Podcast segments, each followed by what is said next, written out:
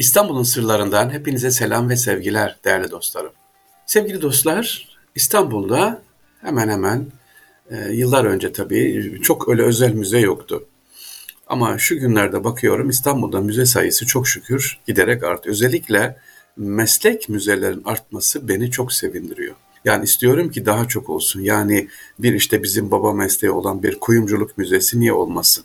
İşte bir marangozluk müzesi niye olmasın? Mesela her mesleğin bir müzesi niye olmasın? Fırıncılık müzesi niye olmasın? Fırıncılar odası var. E, işte efendim başka mesleklerden de var, o da var. Niye bunların ya da terziler müzesi, terzilik müzesi niye olmasın değil mi?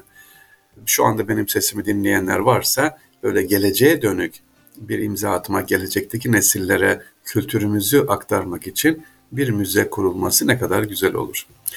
Sözümüze neyle başlıyoruz efendim? İstanbul'da bir farklı müze var. Onunla başlıyoruz. Müzemiz İstanbul'da Diş Müzesi, Diş Sağlığı Müzesi efendim. Diş Malzemeleri Sanayi İş Adamları Derneği tarafından Türkiye'de ilk, dünyada ise yedinci olacak bir müze açılmış. Bizzat gittim, gördüm. Özellikle diş hekimliği okuyan gençlerimiz Fatih'te Fındıkzade Tramvay istasyonunun hemen sağında giriş yerinde güzel bir müze var. E, sadece müze değil eğitim de veriyorlar. Orada çalışmalar var güzel öğrencilere dönük, diş hekimliği öğrencilerine dönük diş malzemeleri, eskiden kalan malzemeler, eskiden nasıl diş hekimliği yapılıyormuş. E, güzel, mütevazi bir müze. Evet, mütevazi bir müze. Yani kocaman beş katlı, altı katlı bir müze beklemeyin ama dişçilik tarihiyle ilgili, geçmişiyle ilgili kısa da olsa sevgili dinleyiciler bize açılmış. Açanları tebrik ediyorum. Ve buradan sevgili gençlere, diş hekimliği okuyan gençlere de tavsiye ediyorum. Gelelim başka bir müze daha var sevgili dinleyiciler. Ona da gitmemizi istiyorum. Nedir? Bugün esas anlatmak istediğim konu dünyanın en gözde müzesi. İstanbul'da. Neymiş en gözde müzesi? Tabii ki İstanbul Arkeoloji Müzesi. Sevgili dinleyicilerim, Erkam Radyo'nun vefakar dinleyicileri.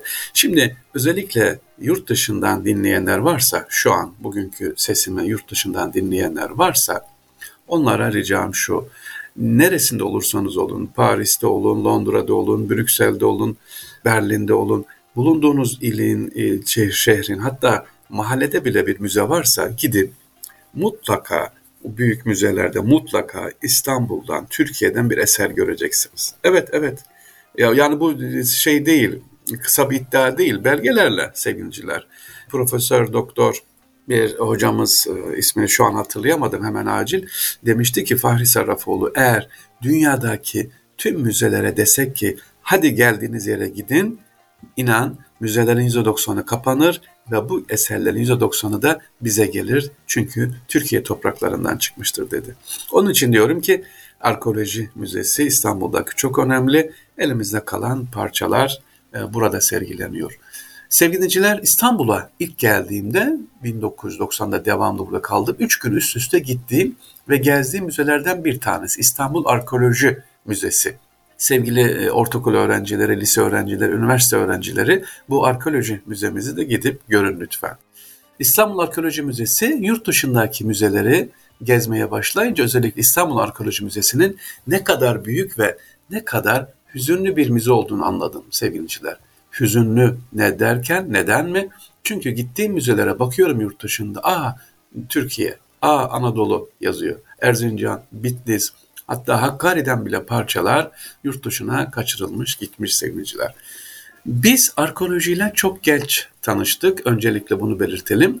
İstanbul Arkeoloji Müzeleri dediğimiz aklımıza gelen ilk isim Osman Hamdi Bey'dir. Allah razı olsun. Osmanlı arkeoloji ve tarihi eserler konusunda Avrupa ülkeleri gibi ince eleyip sık dokumadı yurt dışından gelen misafirlere bile birçok eserimiz hediye olarak verildi. Ya taş değil mi diye ama Osman Hamdi Bey bunun bir müze haline getirilmesi için çalıştı. 1869 yılında Müze-i Humayun yani İmparatorluk Müzesi olarak ilk defa bu müzemiz kuruldu sevgili Nerede? Aya İrini Kilisesi'nde. Bugün Ayasofya'nın arkasında Topkapı Sarayı'nın girişinde. Müze-i Humayun İstanbul Arkeoloji Müzelerinin temelini oluşturuyor.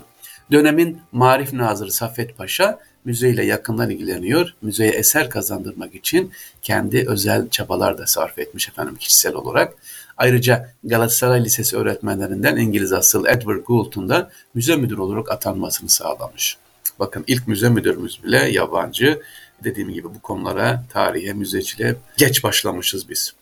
1870 yılında e, Marif Nazır Ahmet Vefik Paşa bir dönem kaldırılmış olan Müze-i Humayun'u Alman doktor Philip Anton müdür olarak atayarak tekrar kurmuş.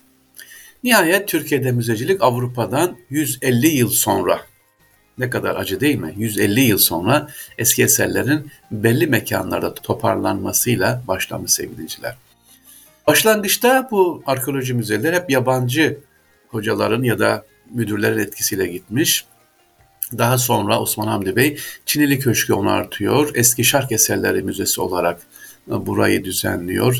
Sonra Güzel Sanatlar Okulu'nu yapıyor ve nihayet Alexander Valü tarafından bugünkü İstanbul'daki neoklasik mimarın en güzel ve görkemli örneklerinden biri olan arkeoloji binası e, yapılmaya başlanıyor sevgiliciler. Peki bu kadar tarihten sonra Fahri abi niye gidelim arkeoloji müzesi ne var orada derseniz bir milyonu tekrar ediyorum 1 milyon aşkın eser var. Çeşitli kültürlere sahip 1 milyon aşkın eserleriyle bugün dünyanın en büyük müzeler arasında sevgiliciler. 1993 yılında Avrupa'da yılın müzesi olarak seçildi ve Avrupa Konseyi müze ödülünü aldı sevgiliciler. Neler var? Üç ana birimden oluşuyor. Arkeoloji Müzesi, Eski Şark Eserleri Müzesi ve Çinili Köşk Müzesi. Türkiye'nin ilk müzesi olan İstanbul Arkeoloji Müzelerinin koleksiyonlarında imparatorluk topraklarından getirilen çeşitli kültürlere ait 1 milyona yakın eser var. Bunlar arasında sevgiliciler Osman Hamdi Bey, Nemrut Dağı, Mirina, Pime ve diğer bölgelerden gelen, Sümerlerden gelen e, eserler, lahitler var. Bunları gidince tabii görebilirsin. Ama özellikle İstanbul Arkeoloji Müzelerinde mutlaka görmeniz gereken, hani o kadar vaktim yok, gidince neyi göreyim derseniz, e, bir tanesi mesela Nippur Antik Kenti'ndeki kazılarda keşfedilen milattan önce 2000'li yıllara tarihlenen tablet var. Bu dünyanın ilk bilinen şiir tableti. E, sonra ne var? Büyük İskender büstü var. Sistemara Lahdi var, İskender Lahdi var ve özellikle hani tarih kitaplarında bize söylenir, sorulur. Kadeş Anlaşması. Evet Kadeş, e, Barış Anlaşması tabletleri de burada sevgili dinleyicilerimiz. Buraya ne zaman gidebiliriz? İstanbul Arkeoloji Müzesi açıktır. Topkapı Sarayı'na gider. Ama öyle e, tekrar ediyorum hemen ilk bir saatte gezeceğiniz bir müze değil. E, çok detaylı isteyecekseniz iki, bir iki gün ayırmanız lazım ama şöyle bir göreyim, bu müzeyi de göreyim derseniz giriş katını ve üçüncü katı tavsiye ederim. Önemli eserler böyle giriş katı çok güzel, daha net, daha geniş. Böyle müze gezerken sıkılmıyorsunuz. İstanbul Arkeoloji Müzesi'ni dediğim gibi gidip görmenizi tavsiye ederim sevgiliciler. İstanbul'un sırlarından bugünlük bu kadar. İnşallah tekrar görüşmek üzere efendim. Allah'a emanet olun diyoruz.